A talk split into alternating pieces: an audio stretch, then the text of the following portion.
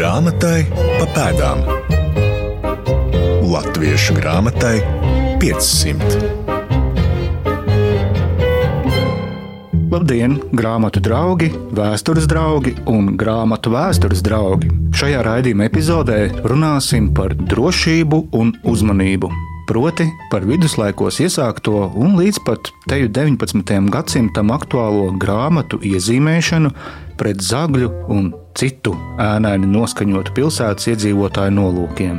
Protams, mēs zinām ekslibra kultūru, taču tas ir pozitīvs lepošanās simbols. Biedinājuma vārdi grāmatu iekšlapās ir visas Eiropas fenomens, varētu sacīt aizvēsturiskās signalizācijas variants, kurš apelē gan pie cilvēka sirdsapziņas, gan arī pavisam atklāti draudu. Kas nav tavs, to neaiztiec. Tāds varētu būt viskodolīgākais noformulējums, ar kuru potenciāli varētu sastapties garnadzes. Taču pavisam drīz raidījuma gaitā atklāsim vēl krāšņākus izpausmes veidus. Jūs sveicina Toms Streibergs un aiziet! iesvērsim pa daļai no ziņu materiāla, grāmatu zakšanas un sargāšanas svaru kausos. Atklājam tekstus! Par šīs dienas tēmu jāsaka paldies Latvijas Universitātes Akademiskās bibliotēkas rokrakstu un reto grāmatu nodaļas vadītājai Aijai Taimiņai, kura tā dēvētās prominences jeb speciārakstus grāmatu iekšlapās pētīja ne pirmo dienu vien. Sākumā runājam par valodu, kādā biedinājuma ieraksti tapuši. Sākotnēji, protams, tā ir universālā valoda, latviešu valoda. Laika gaitā valodas mainās, ieraksti tiek tulkoti, un kas ir pats jaukākais, ļoti bieži, vai drīzāk tagad būtu vērts teikt, visai reti ir atrodami ieraksti, kas ir ritmizēti pantos ar atskaņām. Un sākotnējie latiņu pantiņi visai vienkāršā ikdienišķā latviešu valodā kļūst par pantiņiem vācu valodā vai angļu valodā. Tā ir universāla tradīcija Eiropā, sākot no 13. gadsimta, pilnīgi noteikti līdz pat 18. gadsimta beigām. Iezīmēt grāmatas īpašuma piederību, situāciju, kam kas pieder. Šī ir mana grāmata, un, ja kāds to atrod, lai tas dod to atpakaļ. Tāds ir īsais vēstījums. Bet pretsagļu ierakstu saturs liecina par kādu ārkārtīgi interesantu parādību, kā savijas piedarības ieraksts, kā tādā tīri situatīva lieta ir mans un man pieder, ar sargājošo funkciju, ar tādu kā aizsardzības funkciju. Pret to, lai grāmatas nenoklīst un nenomaldās dažādās dzīves situācijās ne tikai sargājoši, bet arī biedējoši ir šie vārdi, skarbi un nežēlīgi. Un, ja tu to nozaksi, tad tu būsi zaglis, un tad tevi pakārs, un tad tevi uzvilks kāķī aiz kakla, un tad tev kraukļi saknāps. Un tev iekšējos orgānus. Nu, kā kraukļiem būs, tā būs. Tiek draudēts šim zaglim, kas iemantos, kas iegūs, kas iekāros svešo grāmatu ar ļoti nežēlīgu un ļoti apkaunojošu viduslaiku sodu, sodu pie kāķa, publisku. Un te ir lielais jautājums. Vai noziegums pret grāmatu un īpašuma tiesību pārkāpums attiecībā pret grāmatu ir lielais vai mazais pārkāpums? Un jāsacina, šie vārdi liecina, tas ir lielais pārkāpums, tas ir lielais zaglis, kas ir nozacis grāmatu, jo tā ir vērtība. Un šajā gadījumā prominents ieraksts liecina ne tikai par zināmu tādu um, lokālu filoloģisku vingrinājumu, īpašnieka spējām dzēdarīšanā, bet arī par to, ka šī grāmata īpašniekam bijusi īpaši svarīga, dārga. Viņš to vērtē augstu. Par grāmatu ne tikai kā izziņas nesēju, bet arī kā estētiska baudījuma objektu un sociālā statusa apstiprinātāju runāsim nedaudz vēlāk. Bet vispirms iepazīsimies ar tiem, pretzagļu ierakstiem, kuri atrodami un atšifrējami dažādos izdevumos Latvijas Universitātes Akademiskās bibliotēkas rokrakstu un reto grāmatu nodaļā. Ja no sākuma es runāju par um, agriem viduslaikiem, nevis agriem viduslaikiem, bet tiešām viduslaikiem, ieraksts klostera pergamentu manuskripts uh, pirmajā lapā stāsta, ka uh, šī grāmata pieder klosterim godājumam tādam un tādam. Un, ja kāds to nozags, tad viņš būs zaglis, un tam būs jāatbild um, tā kunga Jēzus Kristus priekšā pastarajā dienā. Cits ieraksts mūsu pašu priekšā saka, ka mīļais draugs, šo grāmatu neaiztiec. Ja tu mīli Kristu, nezodz to.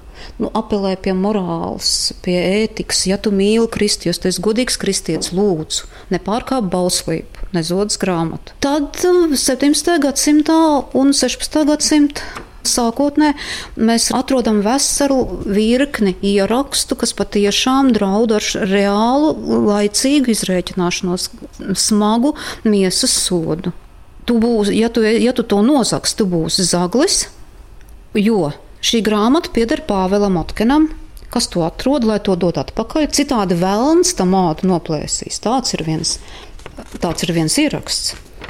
Nākošais īpašnieks ir rakstījis diezgan līdzīgi. Ir vairākas variācijas. Karstenam Bekeram šī pieder. Kas to atrod, lai dod to atpakaļ? Taisnības vārdā un dievu vārdu dēļ. 1608. gadā tā ir maksājusi sešas dalderus.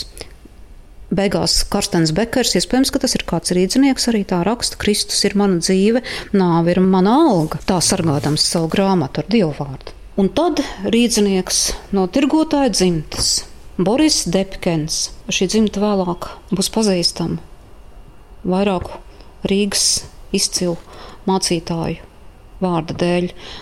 Liborija Depkina un tāpat Boris Depkina vārdi ir zināmi. Boris Depkins apmēram 17. gadsimta pirmajā pusē ir rakstījis tā: Borisam Depkanam pieder šī grāmata, ja kāds to atrod, lai dod viņam atpakaļ, tai tev jāiet garām un jāatstāj mana grāmata guļam, jo citādi tev zarnas izraus un kraukļi tās saknābās.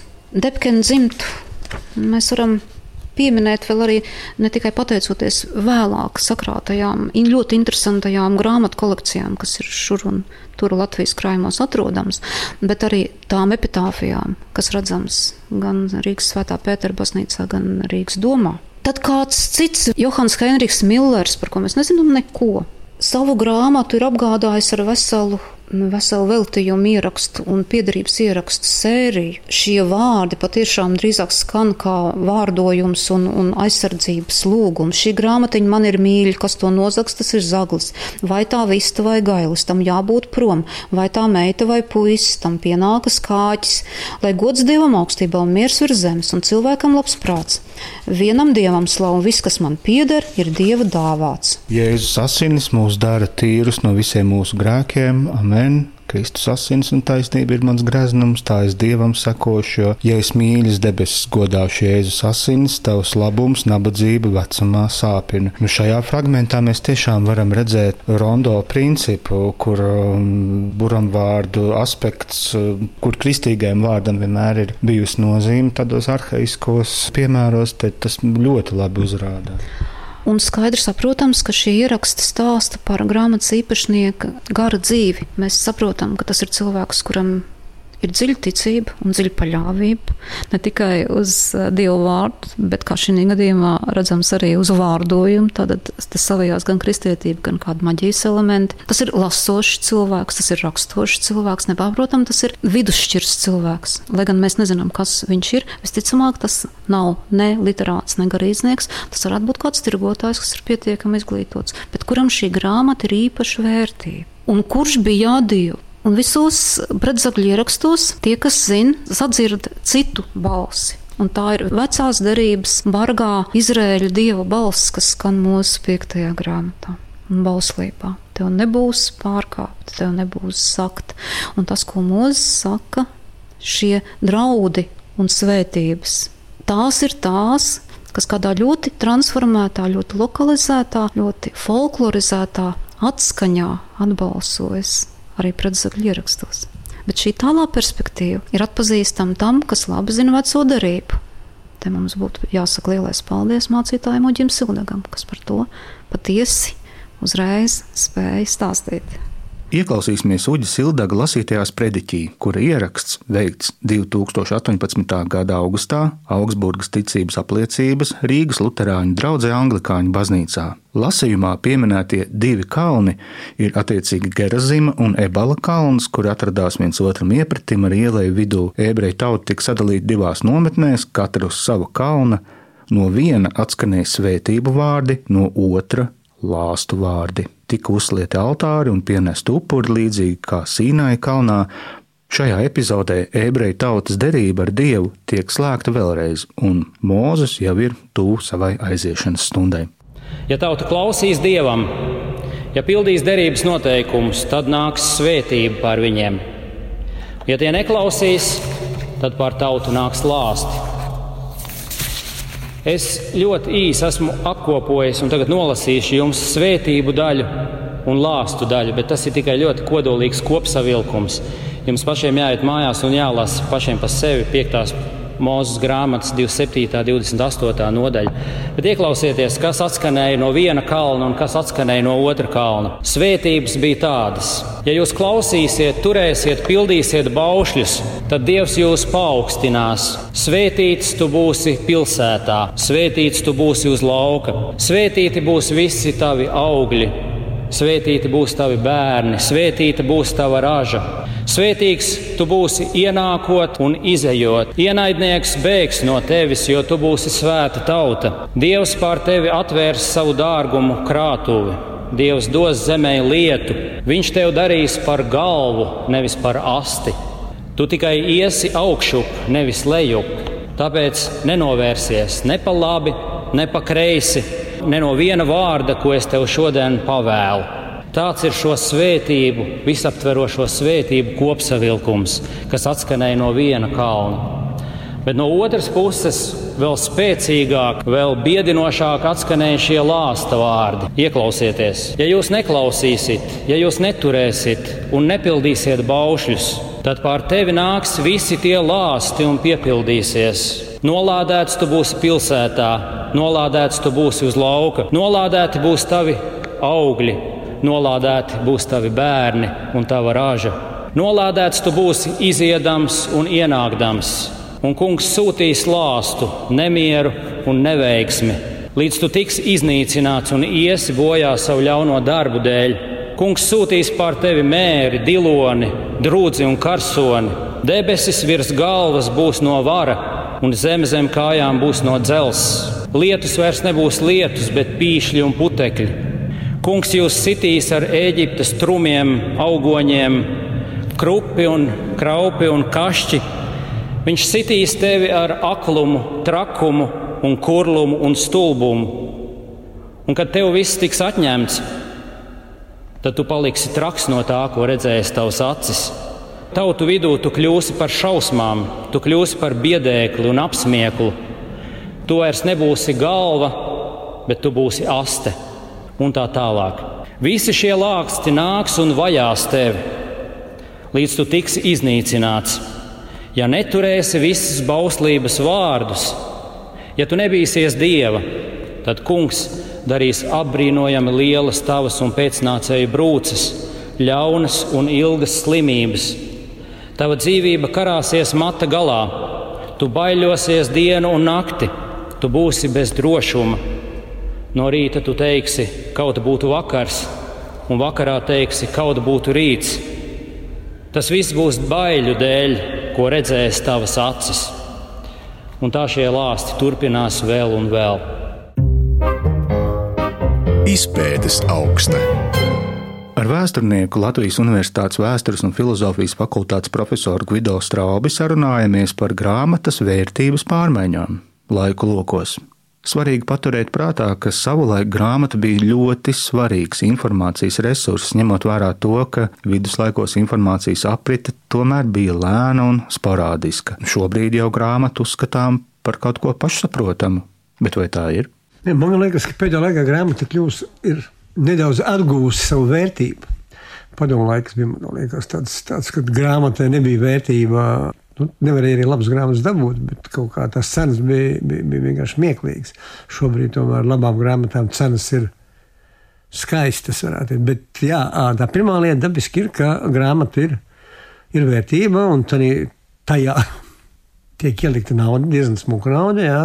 Un, ja mēs paskatāmies, kur tad ir vēsturiski lielākie grāmatu krājumi, bagātu cilvēku varētu teikt.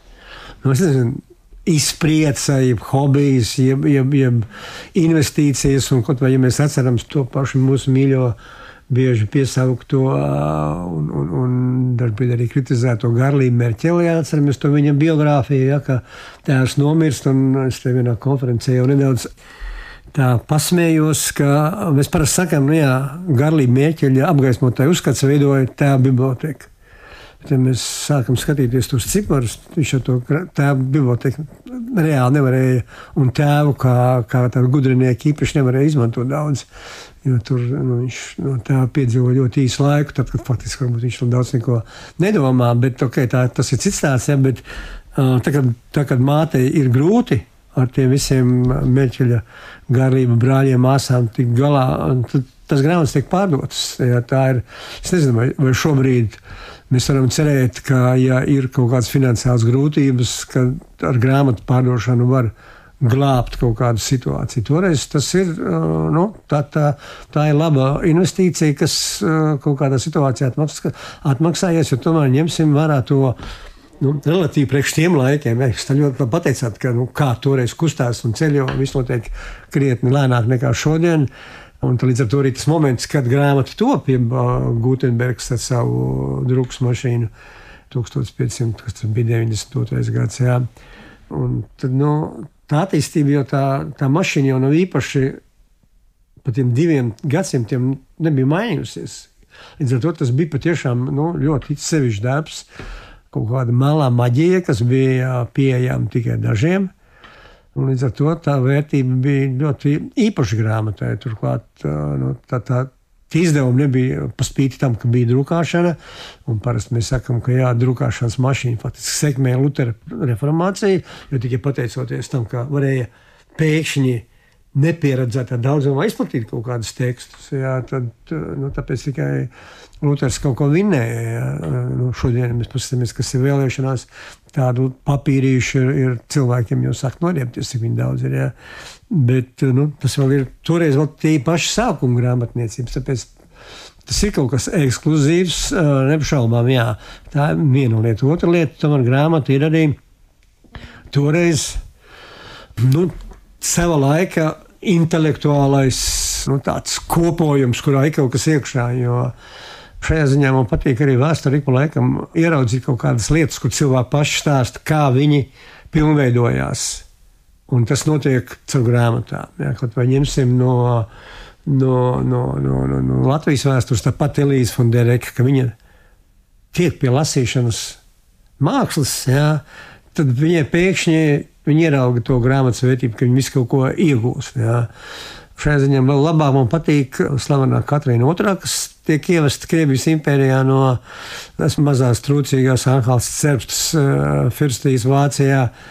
Un viņa arī viņa, nu, māk lasīt, un tā kā viņa nonāk Pēterburgā, tad uz diezgan šausmīgos apstākļos, kur ir intrigas, kur ir, ir, ir uh, jāprecās ar vīru, ar kuru nekādi kontakti nav, un kuram vēl kaut kāda dīvaina mīļākā ir, ar kuru viņš atklāti dzīvo, tad viņi arī aiziet grāmatās, un, un, un viņas biogrāfiskajās atmiņās ir, ir ļoti interesanti tas, ka viņi tieši caur šo grāmatu lasīšanu, kur viņi lasa grāmatas pa vēsturi, sākot no arī kaut kādu antīko domātāju, arī rakstus un tā tālāk. Līdz ar to veidojās viņas nu, tā sapratne par to, kas ir valsts, kā valsts jāpārvalda, kādai jābūt sistēmai. Un, un, un, nu, lielā mērā nu, viņa tad, tad ir 18. gadsimta otrajā pusē, nu, varētu teikt. Eiropas mērogā, patiesībā pasaules mērogā, jo nu, konkurence nav. Nu, viņa ir viena no lielākajām valdniecēm, un ne jau tikai tāpēc, ka viņa aizmugurē ir Krievijas impērija, bet nu, tāpēc, ka nu, viņa māca taisīt politiku. Ja mēs paskatāmies vienu lielu daļu reformu, viņa raksta pati nevis dot kaut kādiem ierēģiem, ko viņi pati strādā. Un, un tas ir viss, ir, tas nāk caur grāmatām. Grāmatas ir tās, kas veido šo pasaules uzskatu. Un nu, tie intelektuāļi, kas ir, nu, nu, viņi visi uz grāmatām dzīvo. Un, un, tāpēc līdz ar to tā ir vērtība. Un arī mēs paskatāmies, arī, nu, kur varbūt tas cits līmenis, ja cita līga, ja tie paši Rīgas iedzīvotāji, ir arī ļoti forši pētījumi.